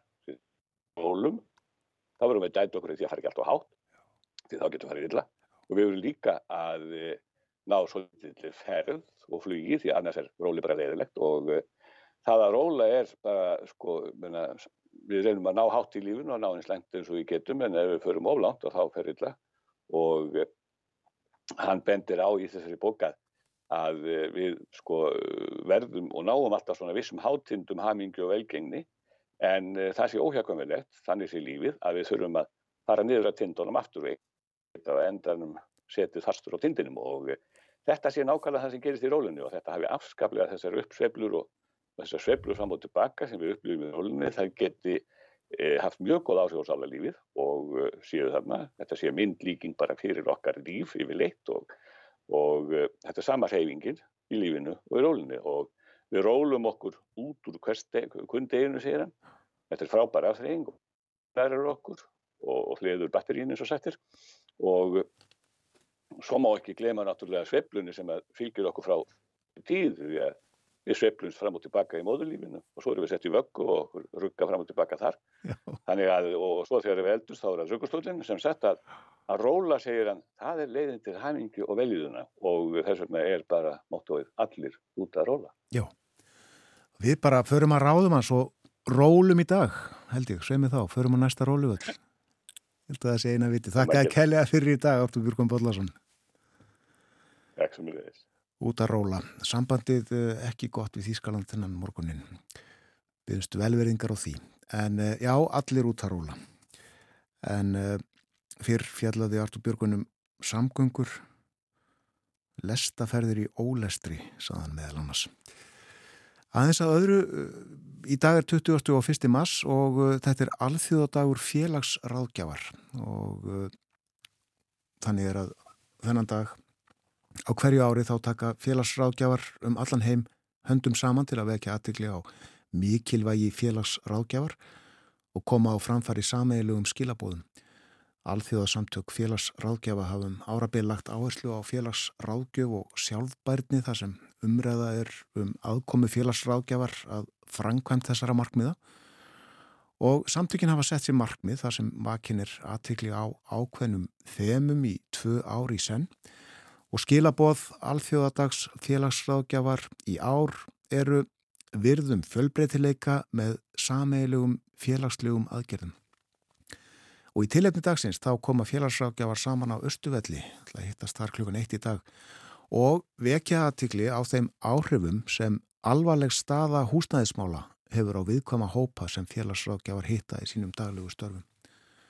Og Guðmundur Ingi Guðbrandsson, félags- og vinnumarkarsráð þeirra, og Ingi Björg Ísaksen sem er formaður þingflóks framsóknarflóksins, þau munu hitta hóp félagsrákjafa eh, við Alþingishúsið upp úr klukkan eitt í dag Ingi Björg verður þarna í fjárveru Sigurðaringa Jóhanssonar innviðar á þar og formans framsóknarflóksins. Og þau munu taka við, þau Ingi Björg og Guðmundur Ingi, eh, sögum sem að félag, félagsráðgjafa hefur sapnað saman frá félagsráðgjöfum til að aðfenda ráðærum. Eh, þetta eru möntilega sögur af fólki í eh, húsnæðisvandraðin. Gott framtak hjá félagsráðgjöfum í tilefni alþjóðdags félagsráðgjafar. Það líður að frétta yfirleiti hjá okkur, uh, kemur eftir 6 mínútur. Minni á að eftir frétta yfirleitið verður Torfi Túlnius hjá okkur, profesor við Háskóla Íslands. Hann kemur hér uh, annarslægið og uh, segir okkur frá því sem er að á segði í frönsku þjóðlífi, frönskum stjórnmálum og það er aldilis ólga þessa dagana. Það er þetta eftirluna mál sem að uh, Makrón fórseti er svo að segja að þinga í gegn uh, fyrr fram hjá þinginu og hefur til þess leifi, samkvæmt stjórnarskráni. En í gær voru borðnar upp tvær vantröstilugur á stjórn Makróns en stjórnin stóðst þær með naumyndum yfir þetta fyrir Torri Túlnius á eftir.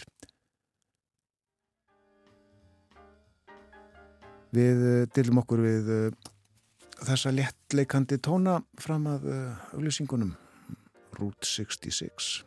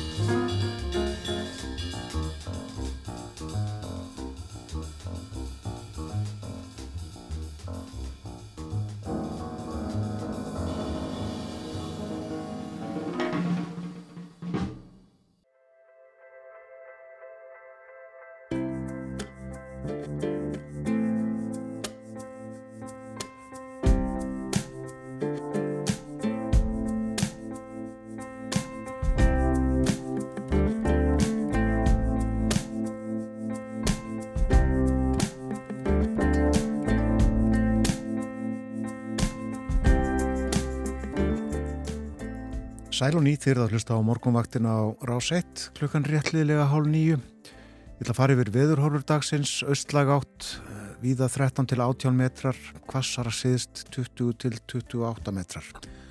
Snjókoma með köplum sunnan til, annars stáli til jél en úrkomu löst að kalla á Vesturlandi.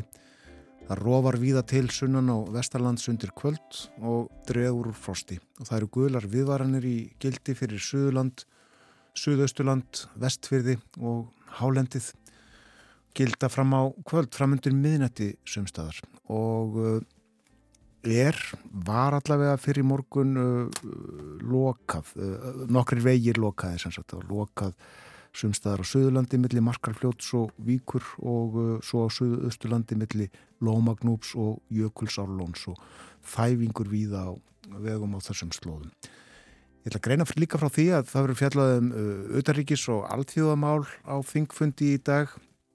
Það verður fluttar skýslur nokkura Íslandsdelda til dæmis uh, Íslandsdeldar alltíðaða þingmannasambandsins, Íslandsdeildar NATO-þingsins, Íslandsdeildar Þings, Öryggis og Samvinnustofnar Evrópu, Íslandsdeildar Norðurlandaráðs og Íslandsdeildar Evrópuráðs Þingsins.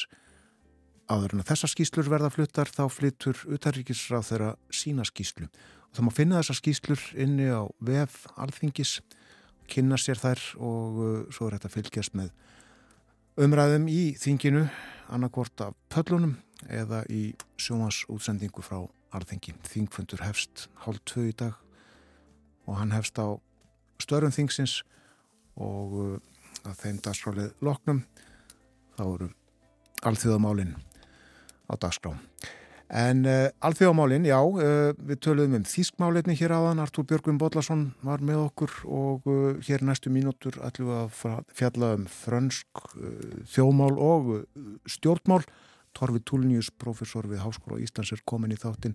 Hann kemur hingað annars lægið og fjallar um frönsk málefni. Góðan dag. Góðan dag. Við dempum okkur inn í franska þingi þar sem að borðnar voru upp tvær tilugur um vantröst á ríkistjórnina. Já, þær voru feldar en uh, nömlega þó.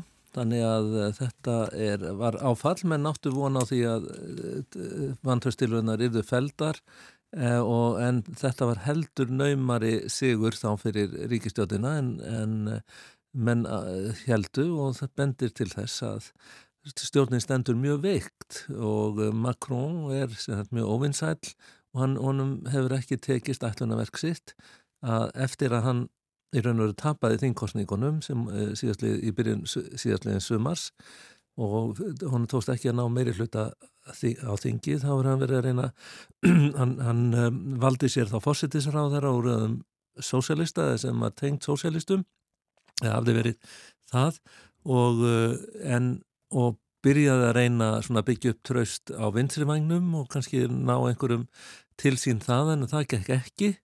Eh, og uh, strategian hefur verið undan farna mánuði að reyna að fá gamlu gólistana sem eru með tiltúlega lítinn þingflokk sögulega en þó nógu stóran þingflokk, 60 manns til að uh, smíða meiri hluta með Macron til að fá þá með sér einmitt í þetta eftirlaunafrumar af því að uh, það hefur verið stefna þeirra mjög lengi að hækka eftirlaunaaldurinn í Fraklandi. Já. Þeir eru viljað aðhaldi ríkisfjármálum Um, eftirlaun á í Fraklandi eru svona gegnumstreymiskerfi þannig að það, þau uh, vega þungt í raun og veru í, í ríkisfjármálunum þetta er leið til að, til að rétta eins úr kútnum þar og þannig að Makrón taldi að hann gæti treyst því að góðlistar myndi eh, hérna, kjósa með þessu frumvarfi en svo gerði þeirra ekki. Það og það er alls konar ástæði fyrir því sem að gaman er að velta fyrir sér. Já, nefnum það er mitt að þessar tilugur voru bortnár fram í þinginu í gær eftir að uh, Makrón uh, já, veitti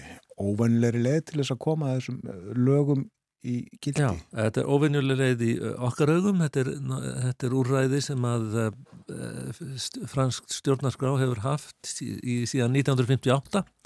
Uh, það 1958 voru, þá tók de Gaulle völd í Fraklandi og, og, og í kringum hann, hann var náttúrulega leitói frakka í setni heimstyrjöld eða frjálsra frakka þegar frakkar voru niðurlæðir á þjóðverjum og þjóðverjar með lögðu undir sig eh, Frakland í setni heimstyrjöld þá fórtu góli yfir Ermasundið og setti upp hérna höfðustöðar frjálsra frakka og eh, var síðan skipti mjög miklu máli síðan í endurreist frakkans og ekki síst í endurreist sjálfsmyndar frakka eftir eh, setni heimstyrjöld hann eh, kem, kemur svo aftur, svo aftur til valda 1958 og lætur smíða nýja stjórnarskrá, stjórnarskrá 5. líðveldisins og þar er fósettaræði, eða sett mjög mikið vald, miklu meira vald fósettans en áður hafði verið. Eh, Fósettin stýri frankandavaldinu uh, uh, hérna, tilnefnir eða skipar fórsetistur á þeirra sem að sér um samskiptin við þingið og, um, og það sem að eitt af því sem hann kom á var að ef að þingið er óstýrilátt og dregur það að afgreða málefni eða frumvörp sem koma frá framkvæmdavaldinu þá er hægt að afnema í raun og verið þingræðið að því leiti að, að frumvarpið er samtitt með, með tilskipan og síðan er stjórnin þá opinn fyrir vantröstilu um, og það gerir framkvæmdarvaldinu að keiri gegn laga frumvarp á þann hátt að þó að þingmeri luti sé ekki fyrir frumvarpinu þá er ólíklegra að stjórnin verði feld vegna þess að það þarf hreinan meiri hluta þingmanna til að fella stjórnina Já. og ef að stjórnin er ekki feld þá skoðast lögin samþygt. Og hefur þessu oft verið beitt? Já, já. Þetta er búið að beita þessu núna nýju eða tíu sinnum bara núna síðan síðustu þingkostningarnar voru og en sá sem hefur beit, beitið þessu mest, þetta, hefur farið vaksandi sko, þetta, hann, De Gaulle beitið þessu ekkit oft eða á hans tímum. Sumir fórsetar hafa ekki gert það og, og einmitt líka vegna ef þeir hafa haft tröstan meiri hluta en uh, 1988 til uh, 91 held ég þá var Michel Rocard uh, sosialistinn fórsettistur á þeirra og hafði nauman minni hluta hann hafði svona, ekki stóran meiri set, já, hann hafði ekki alveg meiri hluta á þingi og hann þurfti að beita þessu ansi oft. En munurinn á honum og stöðunni þá og nú eru að þá voru þingflokkar miklu samstæðari uh, flokksægin var miklu meiri þannig að það var hægt að byggja þessi bandalög um ákveðin sagt, um, um ákveðin frumvörp og uh, til dæmis uh, það sem að Makrón var að reyna að gera með góðlistum en Það gerir sjaldan eða ekki að ríkistjórnir þurfi að víkja að, að vantröst sé samþygt. Já, það er gerst einsunni. Einu sinni. Já, að sagt, oft bjóða fórsettisráðararnir að segja af sér og þá er það aftakkar fórsettin það en Í eitt skipti eh, sprakk stjórnin út af þessu, var, vantrösti var samtíkt og það var Pompidou 1962 og það er nú svolítið langt síðan, þannig að þetta sýnir nú að staðan er mjög óvenjuleg núna. Já. og uh, þetta, er, þetta er krísa í fransku stjórnmálum og það er erfitt að sjá hvernig Macron mun spila úr þessari stöðu sem er, sko, uh, stjórnmála skýrendur tala um pattstöðu, hann sé svolítið bara fastur einhver og komist eiginlega ekkert út úr þessu. Emitt, aðrum við tölum kannski um stöðu Makrón sérstaklega þá að gólistum sem á nefndir, þar er sérstök staða uppi Fyrir, með gólista. Já, sko gólistaflokkurinn er þarna með sinn 60 manna þingflokk, þetta er sá flokkur sem að hafði völdin lengst af í, í stögu 5. liðveldisins og kennir sig náttúrulega við arfleifð Dugól en hann beigð algjört afþróð núna í síðustu fórsetakostningunum hérna frambjöðandi þeirra fekk held í 4% atkvæða og uh, þingkostningarnar voru svona lítið lít, skári en þó ekki. Þeir hafa meiri hluta í efri deiltingsins en innan flokksins eru ennþá mikil átök. Og uh, menn er að stulla sér upp fyrir næstu fórsetakostningarna sem verða eftir fjögur ár af því að þá er, sko, Macron er svona bjóð til sinn flokk í kringum sjálfan sig sem var einhvers konar miðjuflokkur sem hann sagðist vera korkið til vinstirinn í hægri eða, bæ, eða, og, eða bæði vinstir og hægri maður. En, en er, hann getur ekki gefið kost á sér í, fyrir þrýðja kjörtímabilið. Þannig að líklega verður það er ekkit ólíklegt að einhver hægri maður nái kjöri. Og þannig að gólistar það eru mjög margir metnaðfulli gólistar sem myndi vilja vera frambjöðandi gólista eftir fjögur ár og þannig að það getur vel verið að þessi svona sundrung innan þingflokks gólista á þingi sé vísbending um svona valdatafl þar uh, og mennaða benda á að þeir þingmenn sem að leittu hérna leittu þetta andof gegn þessu frumarfi að þeir eru tengdir sumum af þessum svona líklegu eh, frambjöðundum eftir fjögur ár Já. eh, sem eru hérastjórar annars, annar í Norðurfraklandi Xavier Bertrand og hinn í, á Lyon, Alpasvæðinu Laurent Bouquet en uh, þetta er nú svona uh, kenningar þeirra sem eru svona að rýna inn í það sem gerist bak við tjöldin Já, já, það lítur margt að vera skrifað og, og rætt í, í Fraklandi jú. dagana. Já, já, þetta er, er óvenjuleg staða og núna er sem þetta frumvarpið skoða samþygt og að það hafi ekki verið e, þing meiri hluti fyrir því og þingið hafi ekki greitt atkæði um það. Það e, er núna ferðað fyrir stjórnlaga ráð sem að þarf að ganga skökum að það standist e, stjórnarskrána og það mun væntalega gera það. En svo er eitt sem að hefur gerst áður í sögunni og frakkar líta mjög til sögunar og stjórnmálasögunar og það er náttúrulega að gera alla þjóðir er að 2006 þá var álíka óvinnsæl hérna eh, á óvinnsælt frumvarp. Ég held að því að verið kerst í gennum þinginu. Eða sennilega var það nú samþygt af þinginu en það var mjög óvinnsælt og leiti og uh, verkarísfélögin voru á mótið í stúdentarnir voru á mótið í það laud me meira að málefnum ungs fólks, ungra atvinnuleysingja. Það voru lög sem að voru sett undir sírakfassita og uh, gerðu fyrirtækjum það kleift að ráða ungt fólk í vinnu í fyrsta skipti sem við farum inn á vinnumarkaðin á verri kjörum en, uh, en, uh, en hérna.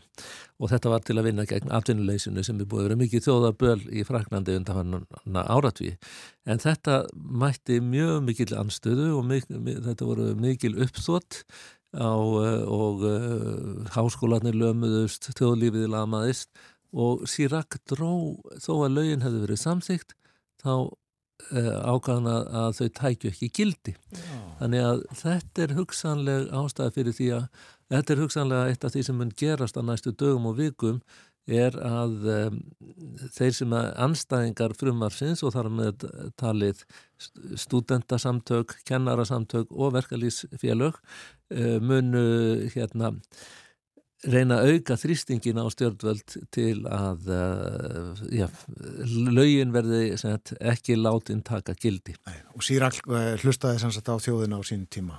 Já, já, og hann Sýrak var mikill svona, hérna, já, hann hlustaði á þjóðina og sumir segja að þess vegna gerði hann ekki neitt. Það er nefnilega það. en, en gangi allt þættir að þá uh, sannsagt hækkar eftirlunaldurinn í Fraklandi fljótlega í, í þessi hvað 64 ára. Já, úr 62 í 64 og okkur finnst þetta nú svolítið já, já. skrítið að frakkar skuli vera berjast fyrir þessu en, en þetta Það sem þeir segja, mjög margir og verkalýsfélagin segja, það átt að semja við okkur um þetta. Verkalýsfélagin segja, við erum alveg, sjáum alveg að það sé nöðsynlegt að breyta þessu kerfi og það er alls konar óréttlæti í þessu kerfi, en þessi breyting, þetta hækka aldurinn úr 62 í 64 bitnar helst á þeim sem að vinna erfið störf, byrja að vinna snemma, starfsæfinn þeirra lengist og þetta er útslítandi störf og það er óréttlætt að, að láta að vera í raun og veru spara fyrir ríkið á kostnað þeirra sem að minnst mega sín. Er, ég er ekki vissum að þetta sé alveg rétt, en þetta er það sem að sagt er. Og uh, Macron uh, kom, uh, ég er ekki að segja svona eins og feskur blær inn í fósættaðanbættið á sínum tíma 2017 og, og nöð talsverðar vinsælda, fekk fína kostningu þá 66% held ég, jú, jú. 58% síðast. Já og það er mjög slæmt vegna þess að, að það er mjög lítið með við það að hann var að, að hérna, anstæðingurinn var Le Pen sem tæri populistinn og það hefur verið svona e, óskrifuð lög í raun og verið í franskum stjórnmálum að, að það ætti að, allir flokkar, hvort sem eru vinst eða hægri, að saminast gegn e, hérna Le Pen og þar að leiðandi e, voru margir vinstri menn sem kursu Macron og hérna og segja við erum að kjósa hann gegn Le Pen, við erum ekki að kjósa þína stefnu. Já. og hann virðist að vannmeti það. Og uh, talar eins og hann hafi fullt uh, svona legitimitet. Og, og um, það er, menn segja nei, þú ert ekki með það, þú átt að semja við okkur. Og hann lofaði því upphafi. Svo fer hann út í þessa strategíu að vinna með gólistum og heldur að, að eftirleina frumvarpið muni tryggja honum hérna, stuðning þeirra og þetta hefur sprungið höndunum á honum. Já, vinsaldir á slíklega en minga síðan kosi var í fyrra. Hann er mjög vinsall. Já. Hvað heldur að gerist næst í, í, í franskri pólitík? Og- Það eru allsera verkvöld bóðið þau ekki? Jú, nú er fórsetisræðarinn að borða morgunmat með fórsetanum, akkurat í þessum töluðu orðum og uh, það verður samráð núna í dag, uh, þingflokksformenn bæði efri og neðri deltingsins sem eru, sem þetta, uh, Macron megin eru kalla, munu hitta fórsetan, hann er að ræða við á, hann ætlar að taka til máls opinberlega í hátteginu á morgun og ávarpa þjóðina og engin veit hvað hann ætlar að segja. Á fymtudaginn er uh, alls er, sem sagt, það sem við kalla aðgerðadagur sem að verkalýsfélagin bóða til og þá eru sagt, verkvöld hér og þar, stöðvanir af ymsu, vin, vinnustöðvanir af ymsu tægir sem að, eru til þess fallnar að, að draga úr virkni samfélagsins og uh, menn eru kvartir til að fara út á göttur og, og mótmæla og það er ekkit ólíklegt að því að þetta var sjokk fyrir þjóðina að, að því að Macron og, og Born fórsetisraðara voru búin að segja aftur og aftur og aftur að þau vildu að þingið greiti atkvæði um þetta. Svo á síðustu stundu eh, leggjaðu ekki í það og beita þessu ákvæði stjórnarskrárinnar um að, að lögin fari í gegn án samþykist þingsins. Og það var áfall af því að sko, eitt er að hafa fórseta sem er traustur í sessi og hafa þingflokka sem eru agaðir og það sem hægt er að semja við en, eh, og, og svo að hérna, eh, þannig, eitt er það og þetta er það sem var að gerast kannski á tíunda áratug, níund og tíunda áratug síðast aldar, en nú er fórsetin rúin trösti með þingið er svolítið svona bara óreiðukent og fólki sem þetta, þannig að það er bara mikil ólga í, í landinu. Og ég á svona, ég á vona á því að já, það er mjög lítið sem að Macron getur gert. Eitt af því sem hann hefur stjórnarskrárbundin rétt til að leysa upp þingið. Hann gæti gert það, búið til nýra kostninga uh, það er ómögulegt að segja hvað myndi koma út úr því en menn óttast það að það yrði til þess að Le Pen myndi ná enn stærri þingflokki, hún er með 90 manns núna tæplega, hún gæti þess vegna ná meiri hluta og það er alveg, það er ekki útilokað og hún er að stilla sér upp í það. Hún er að gera, hún er að bjóða einmitt einsum um að þessum gólistum, svona bandalög kostningabandalög, þetta eru einmenningskjördæmi í Fraklandi, þannig að hún gæti hún segir, þið sem kusuð með vantröstillögunni við okkar uh, frambjöðandur munu víkja fyrir ykkar uh, fyrir ykkur. Uh, hún er að búa það til stjórnmálaskóla hún, að, hún er að menn hafa sagt um hennar flokk að þetta, þetta fólk sé ófært um að stjórna landinu þetta sé svona viðvanningar og svo framvegs hún er að, bara í dag er að búa til svona stjórnmálaskóla hún er allar að byggja upp svona tröstan flokk stjórnenda Þannig að uh, við gætum alveg hort fram á það að eftir kannski, kannski ekki alveg núna eftir næstu kostningar og ég tala ekki um ef að þingir er leist upp en það er ekkit útilokað lengur að við fáum hægri populíska stjórn í Fraklandi. Macron á uh, eiginlega enga leiki góða. Uh, hann hefur þetta alltaf yfir sér að, að, að hann þarf að passa það að Le Pen styrkist ekki enn frekar. Það er það, er, það, er það og vinstra fólkið hefur Sett vinsirflokkanir eru ég, hans mati ekki stjórntæki lengur og um, sósialistar voru náttúrulega hinn stjórnaflokkurinn í Fraklandi sem skiptust ángólistar og, og, og, og sósialistar eftir 1981 eftir að Mitterrand er kjöri, sósialistinn og um, nú eru bara vinstri, stæsti vinstri flokkurinn, flokkur Mélenchon er mjög róltækur og mjög reyður vill í raun og veru breyta stjórnarskráni og er þetta, sást svolítið í hegðunni á þinginu þegar að hérna, þegar að Born lýsir því yfir að hún ætlar að beita þessu stjórnarskrána aðkæði þá stóður upp og rópuðu og fóru að syngja hérna þjóðsöngin og sem er mjög herskár allt annað en þjóðsöngur okkar sem er tignar guð og í titrandi tár. Þarna er í þjóðsöng frakka er talað um að, að óhreint blóð eigi að frjóka akra okkar, óhreint, hið óhreina blóð óvinn okkar. Þannig að mjög mikill hernaðarandi í þessum, hérna, í þessum þjóðsöng þeirra og, og svo hérna vinstri menn stóðu upp og sungu þennan þjóðsöng og yfirgnæfðu í raun og veru fósittisræðaran. Þannig að Þannig að eins og sko, þú spyr á hvaða, hvaða leiki á Macron, það er bara mjög erfitt að finna, að, að sjá hvað hann getur gert. Þetta er pattstaða, eins og ég sagði hann. Þú hefur fylgst lengi með frönskum stjórnmálum og, og uh, hefur, hefur lesið um það sem að gerðist að þú fórst að fylgjast með fréttunum. Er, þetta svona með því uh, erfiðasta sem að þú veist um? Í langan tíma allavega? Sko, 2006 þannig, út af þessu, það var svipað en þá voru við ennþá þá voru, var stjórnmálakerfið ennþá svona eh, stöðugt. Um, 95 voru miklar uppreysni líka. Voru, og í báðum bæði 95 og 2006 eru hérna kemur unga fólkið mjög stert inn í þetta.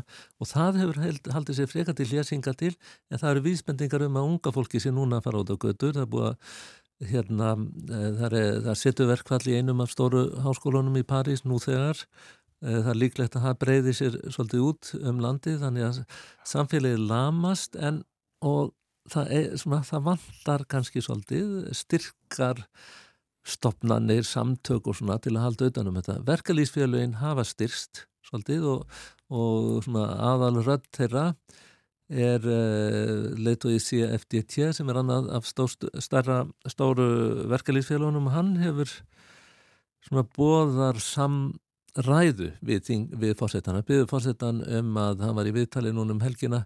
Hann byggði fórsetan um að draga þetta tilbaka og efna til samtals við verkalýsfélagin kannski er það leiðin. Kannski, eh, það er oft gott að tala saman.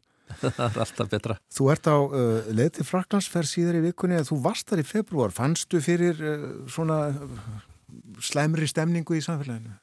Já, já Sko það er svo margt hins vegar sem er að ganga frökkum í vil, það er að segja og sérstaklega þessi atvinnuleysisdraugur hann er, það er að svona Frakland er að sigli átt að svona, eða, það verður dreyið mjög úr atvinnuleysi og það, þannig að það er, það er eitt en menn hafa ágjör að mjög mörgu sko, menn hafa ágjör að verðbólkunni, eh, lífskjör hafa vestnað Eh, menn hafa ágjörn alltaf af umhverfinu og, og það er nú það sem er síkalegt við svona olgur og ég tala ekki um stíði í Úkrænu að það drefur aðteglina frá og kemur í veg fyrir að menn vinni að þessu verkefni sem er að berja skegn nattrætni hlínun en, eh, en ég sko á fymtudaginn verður þessi stóri dagur eh, verkvalla hann er að ég á vona á því að þegar ég lendi í París á, í hátteginu á fastudaginn að, að það verði svona ansi svona heit stemning Takk að kellega fyrir að koma morgunvaktina. Takk fyrir að fá mig. Torfi Tólnýrs um uh, fransk málefni, erfitt ástand í Fraklandi. Og svona líkur þættinu þennan morgunin, klukkan alveg að verða nýju, vanta fimm minútur, fréttir klukkan nýju, fyrst auglisingar. Þáttunum verður á sínu staði fyrirmáli, við bjóðum góðan dag þegar klukkunum vanta tíu mínutur í sjö. Ég þakka samfélgina í dag. Ég heiti Björn Þór Sigbjörnsson, verð hér aftur á morgun. Verðið sæl og njóti dagsins.